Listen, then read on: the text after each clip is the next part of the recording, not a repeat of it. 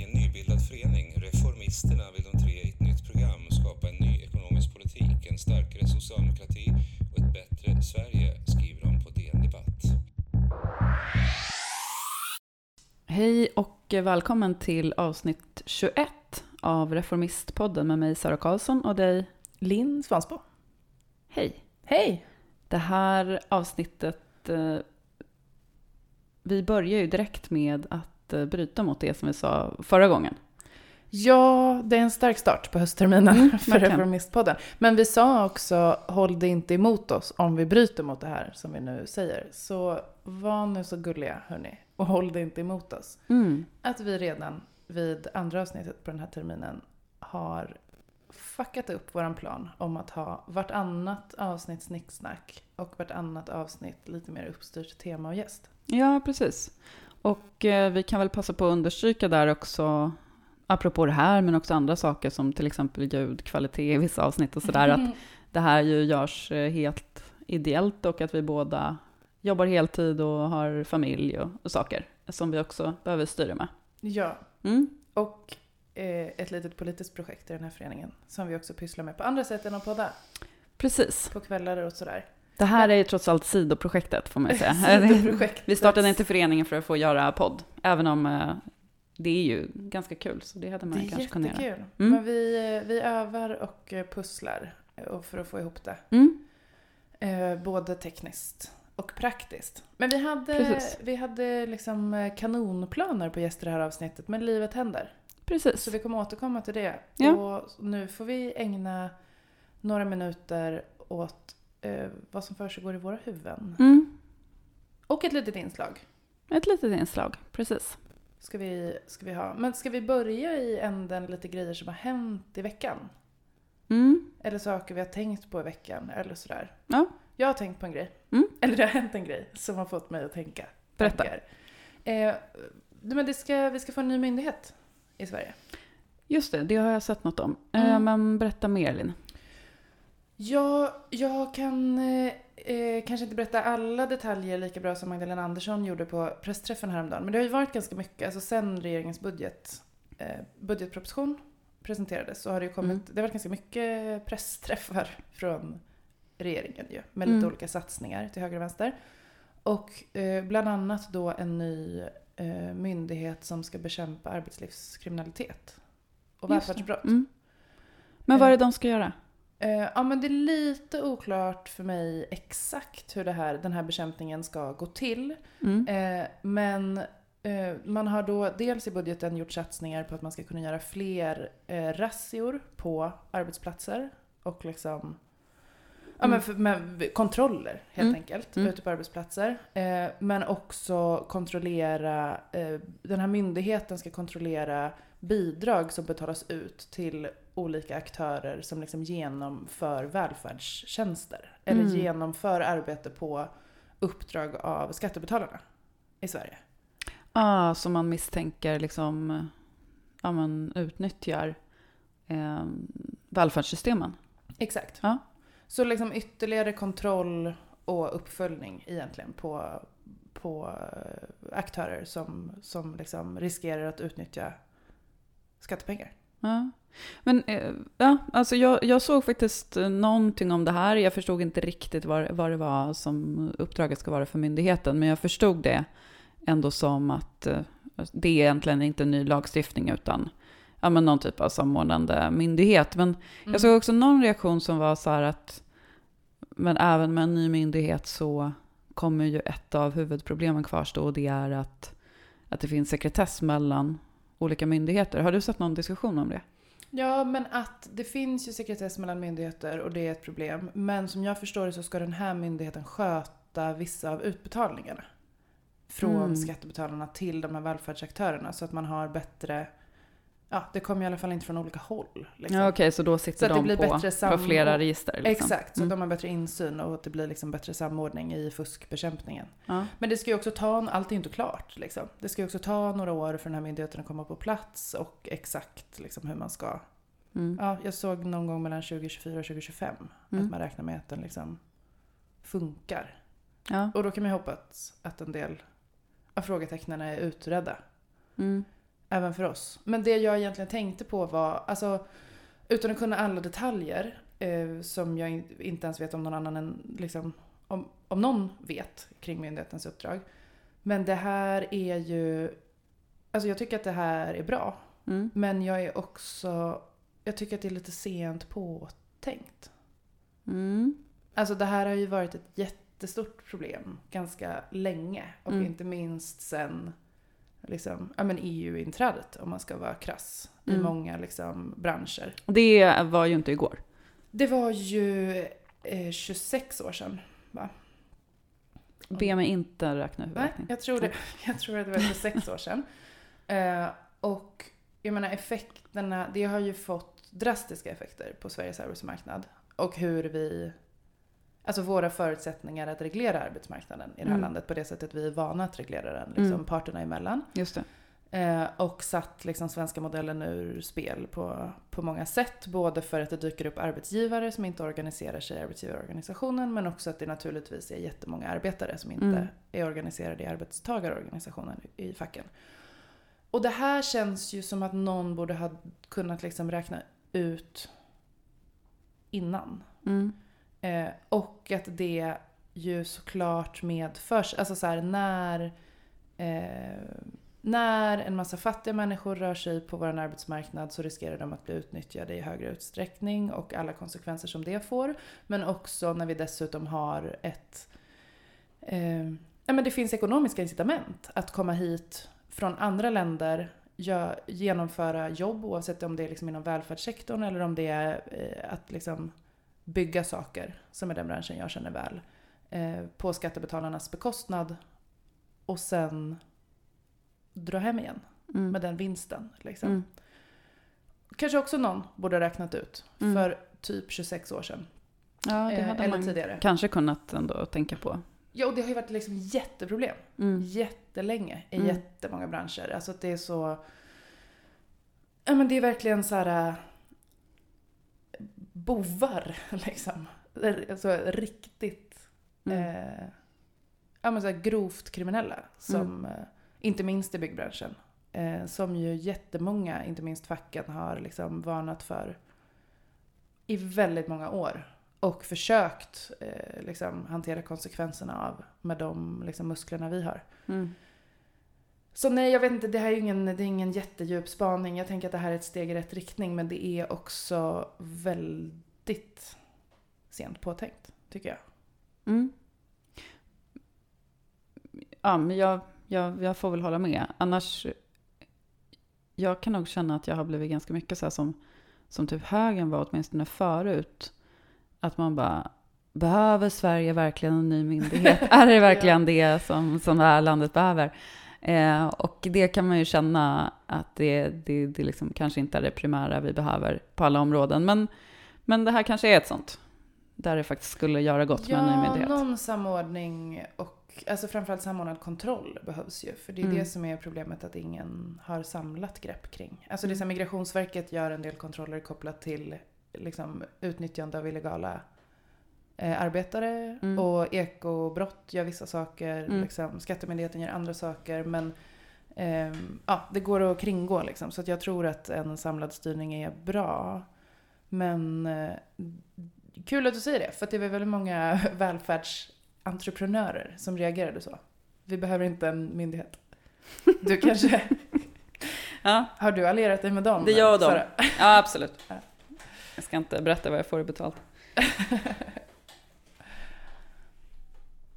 Ja, Alltså det, ja, ja, det är om det. ja nej men du har övertygat mig. Ja, Mm. gött. Resten av välfärdsentreprenörerna kvar Ja, precis. Vi tar dem en för en. i taget. Mm. Ja, jag ska avslöja att det är sen kväll när vi spelar in det här och vi fick liksom, för, liksom fördröja lite för att grannarna hade så högljutt sex. Ja. Men, eh, och man kom liksom av sig lite i tanken. Vi kom helt av oss. Det Men Det kanske, det kanske är så att, eh, att de firar att eh, restriktionerna ska hävas kring covid-19. Gud vad jag hoppas att de inte kände varandra innan den här kvällen började. Nej just det, restriktionerna gäller ju fortfarande. Så i så fall har de brutit. Ja, vi hoppas att det inte var första gången de låg. Eh, Det gör vi. mm. Men restriktionerna ska hävas? Precis. Eh, 29 september så kommer men väldigt många av restriktionerna i alla fall att avvecklas Mm. enligt plan. Enligt plan. Eh, som vi har väntat. Fy fan vad vi har väntat. Jag kan inte, alltså jag visste liksom inte riktigt att det var det datumet som var planerat för att man har liksom inte riktigt vågat hoppas Nej. att det ska hända på riktigt. Man Nej. bara, ah, de har sagt någon gång i september, men det kommer säkert förlängas. Och det kändes ju ett tag som att det var på väg åt andra hållet. Mm. Eller jag har fortfarande levt lite i den känslan. För att det Mm. var så här, ja, nu sprider sig deltan och så är det några som inte vaccinerar sig. Och så Mm. IVA-patienter ökar. Och... Men skit i det, det gick åt rätt håll. Ja, Och det nu ska är vi underbart. få trängas igen. Ja, eh, det är Krama härligt. folk vi inte känner. Man, man har ju saknat det lite. Jag tror att, eh, jag tror att så här, eh, eftermiddagar på, på tunnelbanan, det kommer gå ganska snabbt att, att sluta tycka att det är härligt med, med trängsel. Men, men kanske de första dagarna att man, att man ändå tycker att det är skönt att vara tillbaka där. Liksom. Mm. Ehm, Men trånga barer. Trånga barer och eh, dansgolv. Fotboll, Dansgolv. Ja, det finns ju mycket härligt. Musikaler ska jag gå Mm. på. Ja, och konserter och så här. Ja. Teatrar. Det ska bli underbart. Eh, Men vi, jag tänkte på det faktiskt, eh, förutom allt det här underbara och att man vill fira på olika sätt, så, um, så tänkte jag på att vi ju pratade någon gång för, för länge sedan i, i den här podden om, liksom spekulerade lite i eh, hur liksom de politiska konfliktlinjerna skulle bli Mm. kring eh, återöppnandet. Liksom. Eh, att det, att det är så här, men vi pratade om det att, att så slumpen typ skulle avgöra Just hur... det, vem som hinner först. ja, vem hinner liksom. först och då kommer de andra som inte hann först positionera sig emot. Utifrån det. Ja, Mm. och man kan väl säga att det finns ju några som har liksom positionerat sig för ett återöppnande och varit liksom lite modiga på det sättet. Och det är Mm. väl framförallt miljöpartister. Jag vet att min gamla riksdagskollega Rasmus Ling till exempel Mm. eh, har positionerat sig så. Eh, och några, Men gud, det några jag helt andra. missat. Vad har Mm. varit den linjen? Nej men att eh, vi måste prata om att återöppna. Och det var ju någon gång innan sommaren. Alltså tidigare då än vad man Precis, har. Eh, tidigare. Eh, men det liksom blev, det var ju som inget helt parti som gick ut med det. Så att jag, jag tror det blev liksom ingen som positionerade sig emot. Mm. Och nu så är det ju, det är ingen som positionerar sig emot. Nej. Det blir liksom inte en politisk konfliktlinje. Och frågan är liksom, är, det, är folk så jävla trötta på det här nu att ingen bedömer det som opportunt att, Mm. att positionera sig emot? Eller vad? Ja, jag, jag tror typ det också för att det, det har ju pågått så himla mycket längre än vad man kanske trodde både från politiska partiers håll men också Mm. ditt och mitt håll när vi började spana om det här.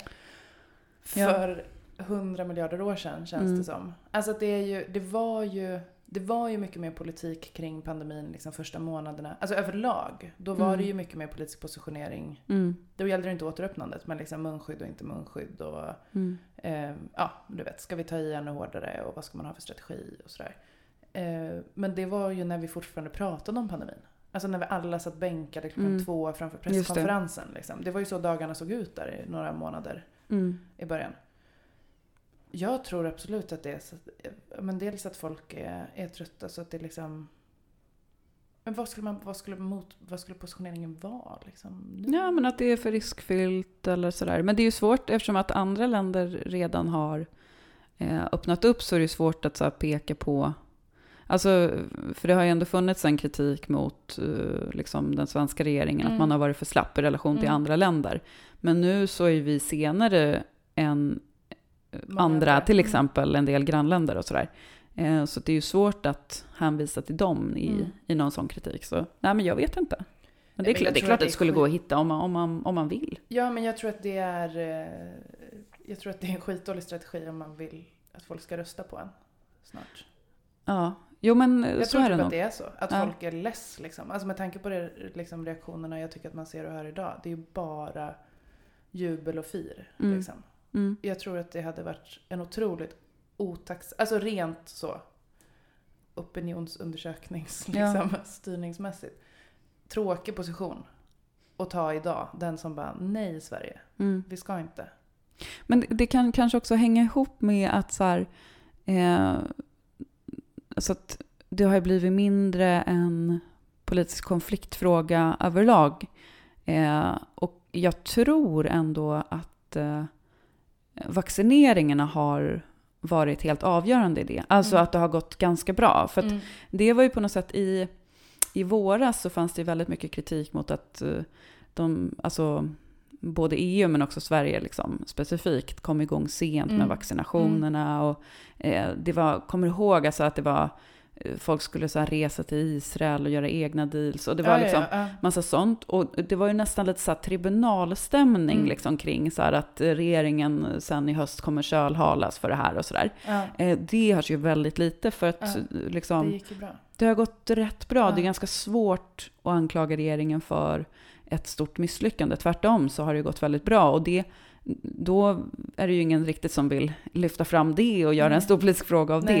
det. Eh, så man kanske liksom undviker överhuvudtaget att prata så mycket om det här för att man är rädd att regeringen, alltså om man tänker från oppositionens håll, det, för att man är rädd att, liksom, att regeringen på det stora hela kommer vinna på rätt, en stor liksom. diskussion mm. om så här, eh, att i efterhand titta på hur hanterade vi det här och hur hanterar mm. vi återöppningen nu och sådär. Eh, det, det, det, kanske är, det är väl ingen mm. som tänker att de har något att vinna på att liksom fortsätta samtalet kring, kring liksom pandemin och krisen, utan det är ju snarare andra frågor som ja. man tänker att man ska kunna dra växlar och, och vinna på helt enkelt. Ja. Ja, om något så bör väl den liksom stora diskussionen nu inte bara handlar om återöppningen utan också rent liksom Alltså ekonomiskt eh, mm. återställa Sveriges ekonomi. Alltså det är ju också en effekt av pandemin som inte gäller munskydd eller fester eller hur många vi får ses på fotbollsarenor utan snarare hur ska vi liksom eh, ja, hur ska vi hantera Sveriges ekonomi framöver liksom. Mm. Och eh, ja, men den, den efterföljande liksom, politiken av att återhämta sig från en pandemi mm. ekonomiskt och ja, men för många branscher och arbetslöshet och sådär. Mm. Som lär ju vara en fortsatt diskussion. Mm. Men nej, jag tror inte att någon... Vi är färdiga. Mm. Ja, jag hoppas verkligen att vi på alla sätt är färdiga med det här nu. Sätt, ja. Vi ses på en bar eh, 29 september. Så jävla nära varandra. ja. Ska vi säga något om SD? Nej, nej, vi skiter i det. Ska vi ta ett inslag? Ja. Vi har ringt en vän i det här avsnittet. Mm. För eh, det som har hänt i ett kanske inte lika eh, spritt nyhetsflöde som de nyheterna vi har pratat lite om precis nu. Eh, det är ju att reformisterna har berättat för världen och framförallt sina medlemmar mm. vilka reformisterna ska nominera i diverse val mm. nästa år. Mm. Och en av de personerna är föreningens ordförande Marcus Kallifatides. Ja, precis. Och han är ju nominerad till riksdagen. Ja. Eh, och den nomineringen går ju in i den processen som Stockholms partidistrikt håller på med nu under hösten. Och så vidare och så vidare. Och så vidare. Det är Men... många möten för många personer. precis. Kan man säga. Eh, men du ringde ju upp eh, Marcus för att snacka lite om kandidaturen och vad han tänker och känner just nu. Mm. Mm, ungefär så. Ungefär så. Ja, vi lyssnar. Vi lyssnar. Okej, Marcus Kallifatides, välkommen till Reformistpodden. Stort tack. Hur är läget? Ja, men det är fint faktiskt. Kul det att det är höst, äntligen. Äntligen! Det är, och, och vilken höst vi ska ha i den här föreningen. Mm. Verkligen. Vi ska ha eh, partikongress och fatta kloka beslut. Jag ser så mycket fram emot det. Ja, jag med. Det är fullt, fullt ös hela hösten. Och efter hösten kommer ett nytt, ett nytt år och då är det val i det här landet. Eh, och det var därför jag tänkte att vi skulle slå en pling till dig, Marcus, för du är Reformisternas riksdagskandidat till valet 2022.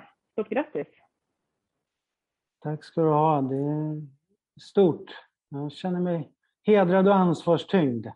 Ja, det gör det. För det var min första fråga, den klassiska sportfrågan. Hur, eh, hur känns ja, det? hur känns det? Ja, ja, nej men alltså, stort ansvar. Jag är jätteglad. Jag liksom full av energi och vill göra det bästa av den här kandidaturen. Jag hoppas naturligtvis på, på att få ställa upp och göra en mm. valkampanj och allt det där och liksom går all in på det här. Så att säga. Det, alltså, men det är också ansvarsfullt naturligtvis. Så att, ja, mm.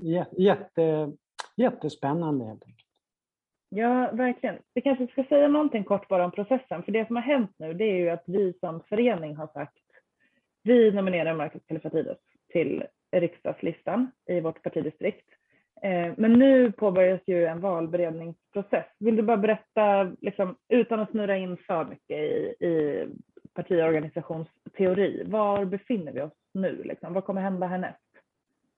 Ja, just nu är det så att alla nomineringar är liksom klara och de som sitter i valberedningen i Stockholms arbetarkommun partidistrikt eh, har väl alldeles eh, nyligen liksom fått eh, information och sammanställning. Så nu tar deras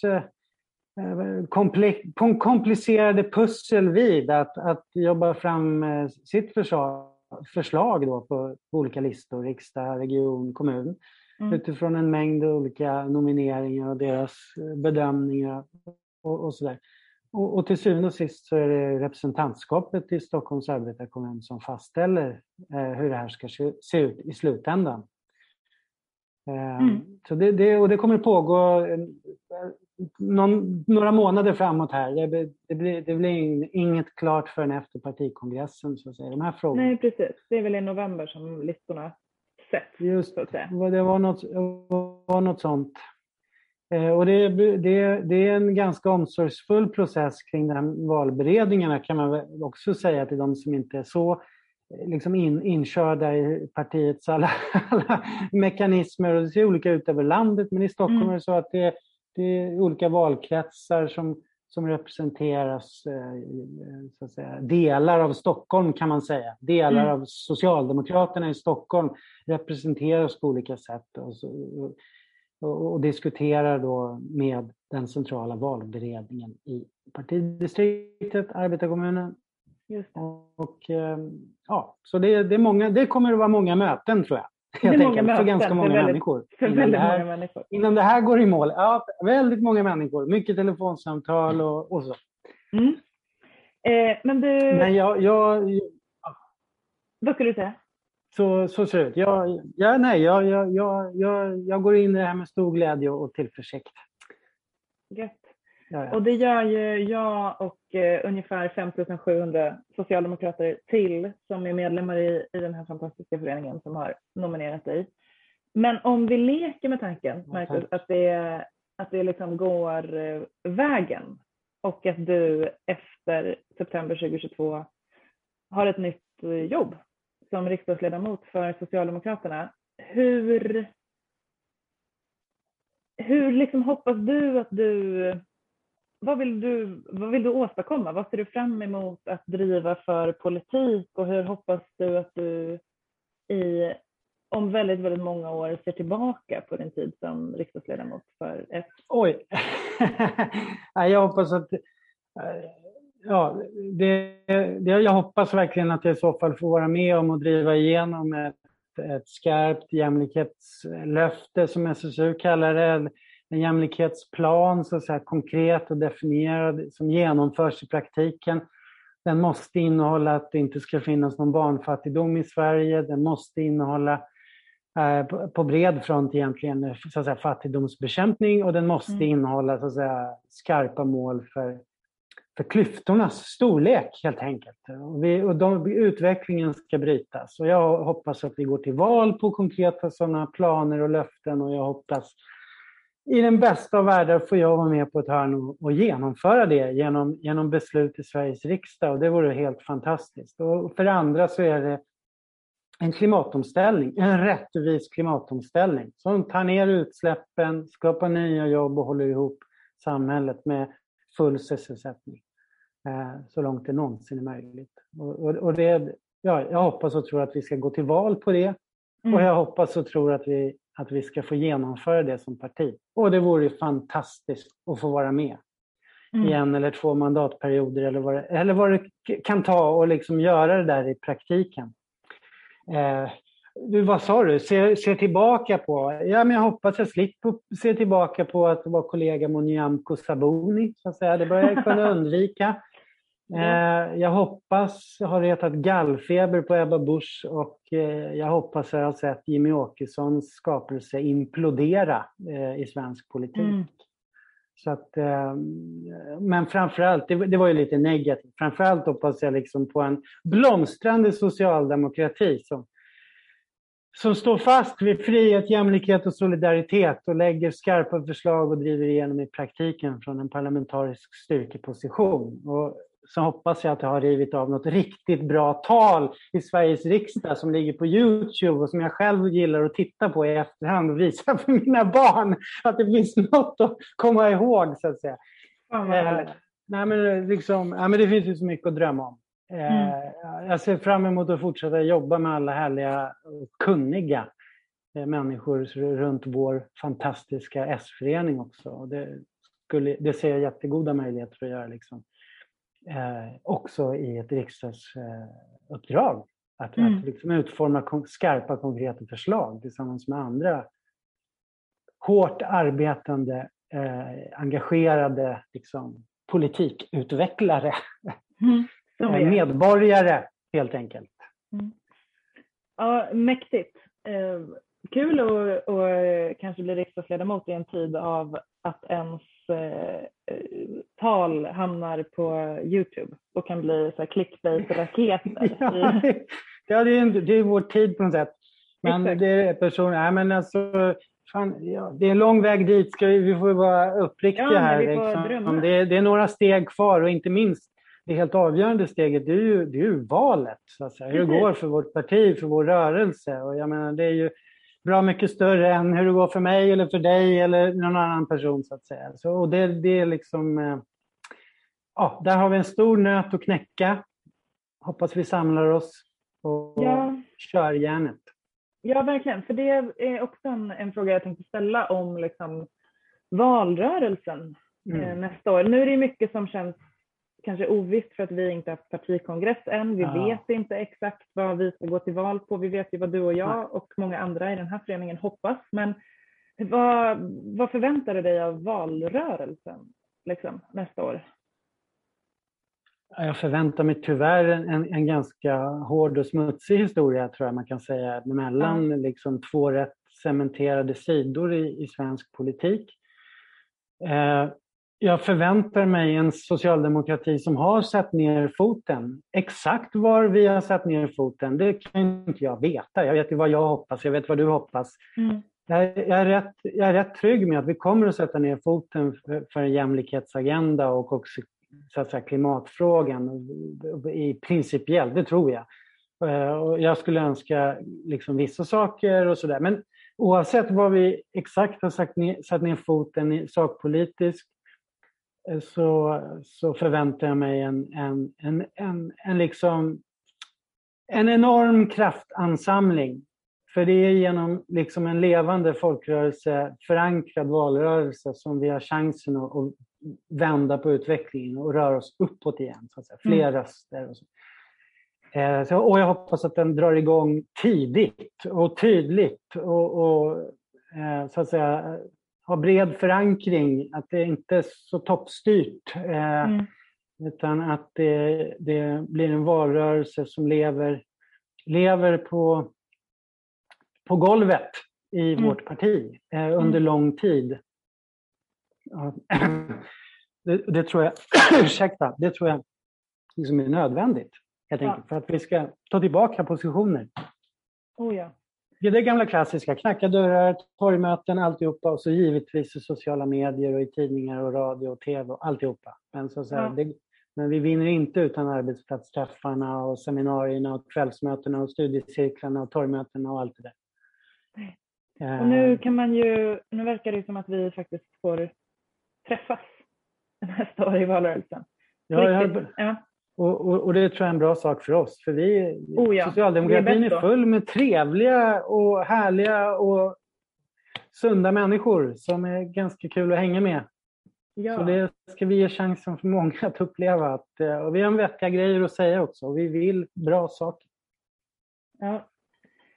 Eh, men eh, tack, eh, tack för nu Marcus. Du kommer ju gästa den här podden eh, flera gånger innan vi har sett i valurnorna tror jag, 2022.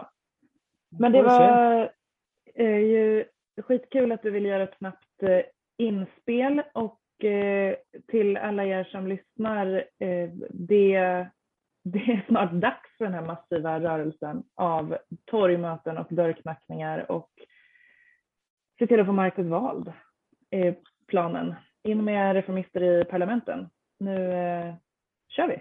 För en starkare och modigare socialdemokrati, absolut. Nu kör vi! Nu kör vi. Tack Linn! Tack! Tack Marcus, för att du ville vara, vara med. Det är ju ändå en återkommande person. Det blir fler gånger. Också i den här podden, mm. såklart. Eh, du, en kortis bara. Mm. Eh, jag kan inte låta bli att nämna ändå något som jag tycker... Det blev så uppenbart hur debatten har förändrats, på gott och på ont. Ehm, men i eh, söndagens Godmorgon världen mm. i P1, brukar du lyssna? Mm. Mm. Men inte i söndags? Nej, men eh, jag brukar lyssna fram tills och till och med eh, nyheterna där mm. vid, vid tio. För sen kommer den här eh, satiren som jag absolut inte kan med. Eh, men en av de grejerna som man ändå, ja, reportagen kan ju variera liksom hur man, intresserad man är och sådär, men något som jag tycker är intressant eh, nästan alltid är panelen. Mm.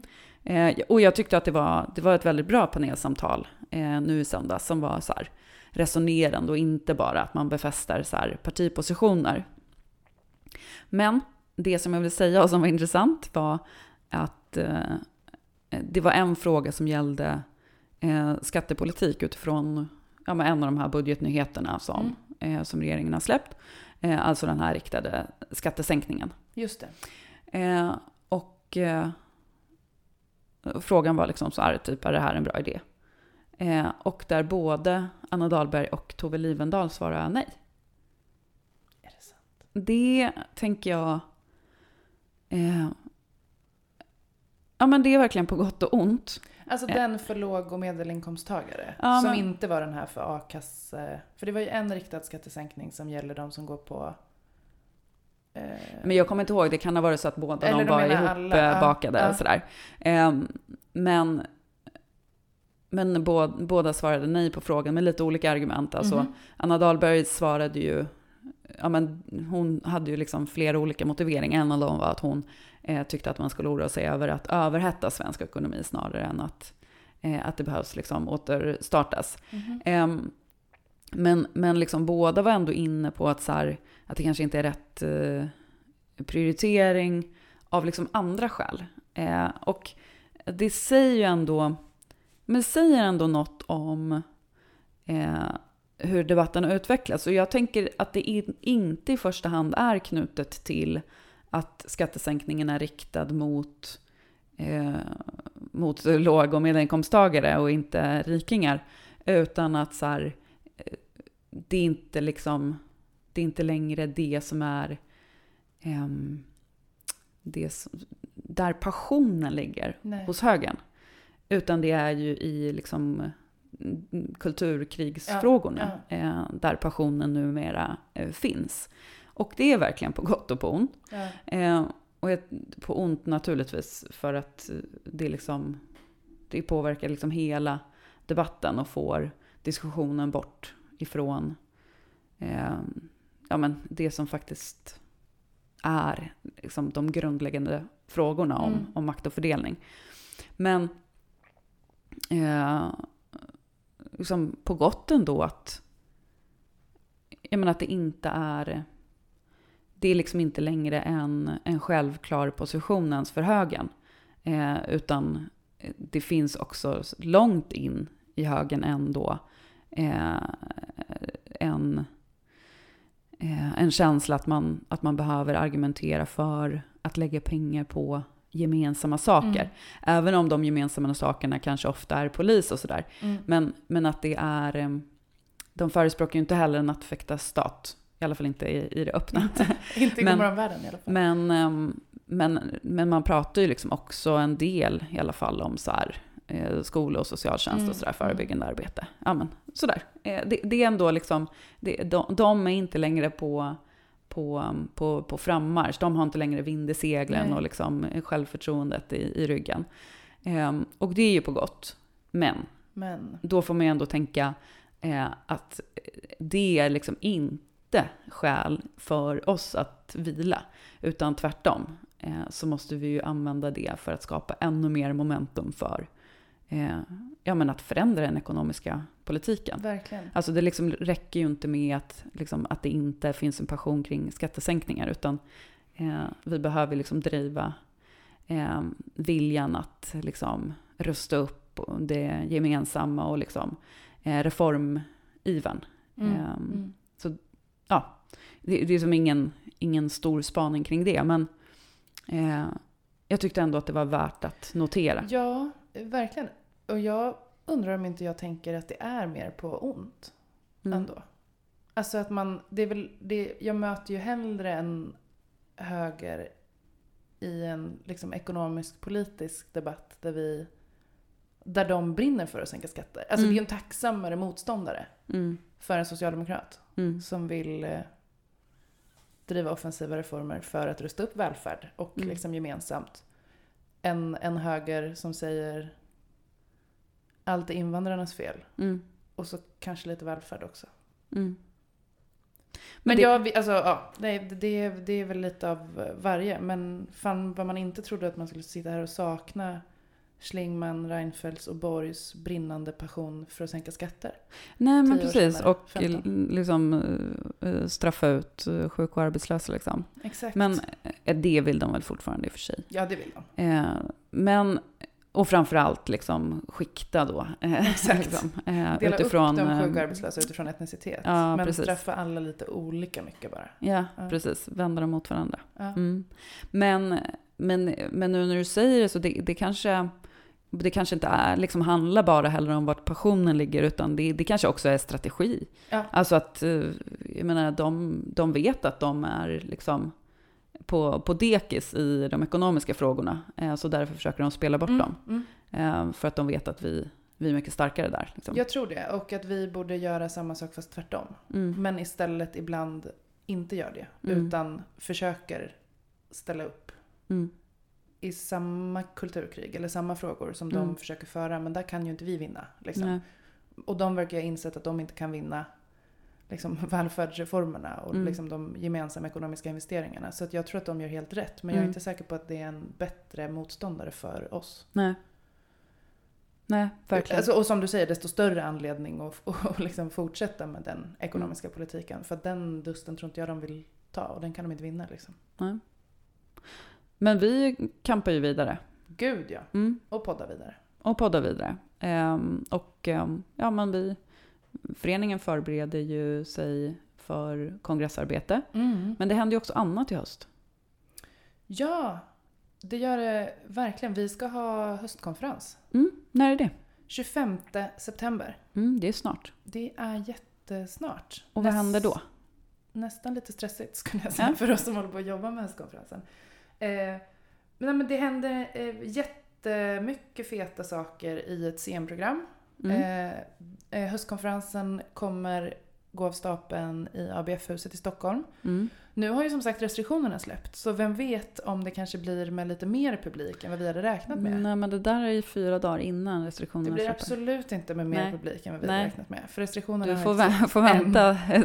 Men på det, att trängas Det jag ett skulle tag till. säga Mm. var ju att vi redan nu tar emot lite publik. Mm. Enligt gällande restriktioner. Mm. Eh, så det kan ni hålla utkik. Ni som är medlemmar har fått info om det här i Mm. medlemsmail och sådär. Mm. Man kan liksom anmäla sig och sen kommer vi ha lotto på de platser som finns. Mm. Så det är ett tips från mig till er. Ja, Och ni som inte lottas plats, ni kan ju såklart följa den digitalt. Ja. Det är... och man kommer kunna se det efteråt va? Ja, absolut. Mm. Det livesänds och det ligger kvar och det är eh, sossestjärnspäckat Mm. helt enkelt. Tre timmar. Fest, politik, härj, kul och pepp och eh, också mycket kongressuppladdning tror jag. Mm. Och där får man väl säga, apropå sosse-stjärnspäckat, att Ingvar Carlsson kommer. Det tycker jag man Det är får väldigt säga kul. nu. Det är riktigt stjärnspäckat. Mm. Mm. Det, det ska bli väldigt kul och Mm. intressant att lyssna på. Och jag kommer. Och du kommer. Ja, absolut. absolut. Men Ja. absolut, Ingvar. eh, Eh, det Han är blir- lite viktigare. Är Eller lite- det slår lite högre. Än Ja. så länge Mm. tyngre. Mm. Ja. Yes, Jag men... hoppas att vi ses där några av oss. Och Ja. eh, att ni andra följer det såklart. Mm. Ehm, och sen, ja men som sagt, kavlar vi upp ärmarna ännu mer och Mm. laddar för, för kongress. Och så småningom valår. Hej Mm. vad det går. Ja. Mm. Men vi poddar på. Ni når oss som vanligt på reformistpodden snabblaggmail.com. Mm. Och vi hörs nästa vecka så. Ja, men det gör vi. Hej då! Hej.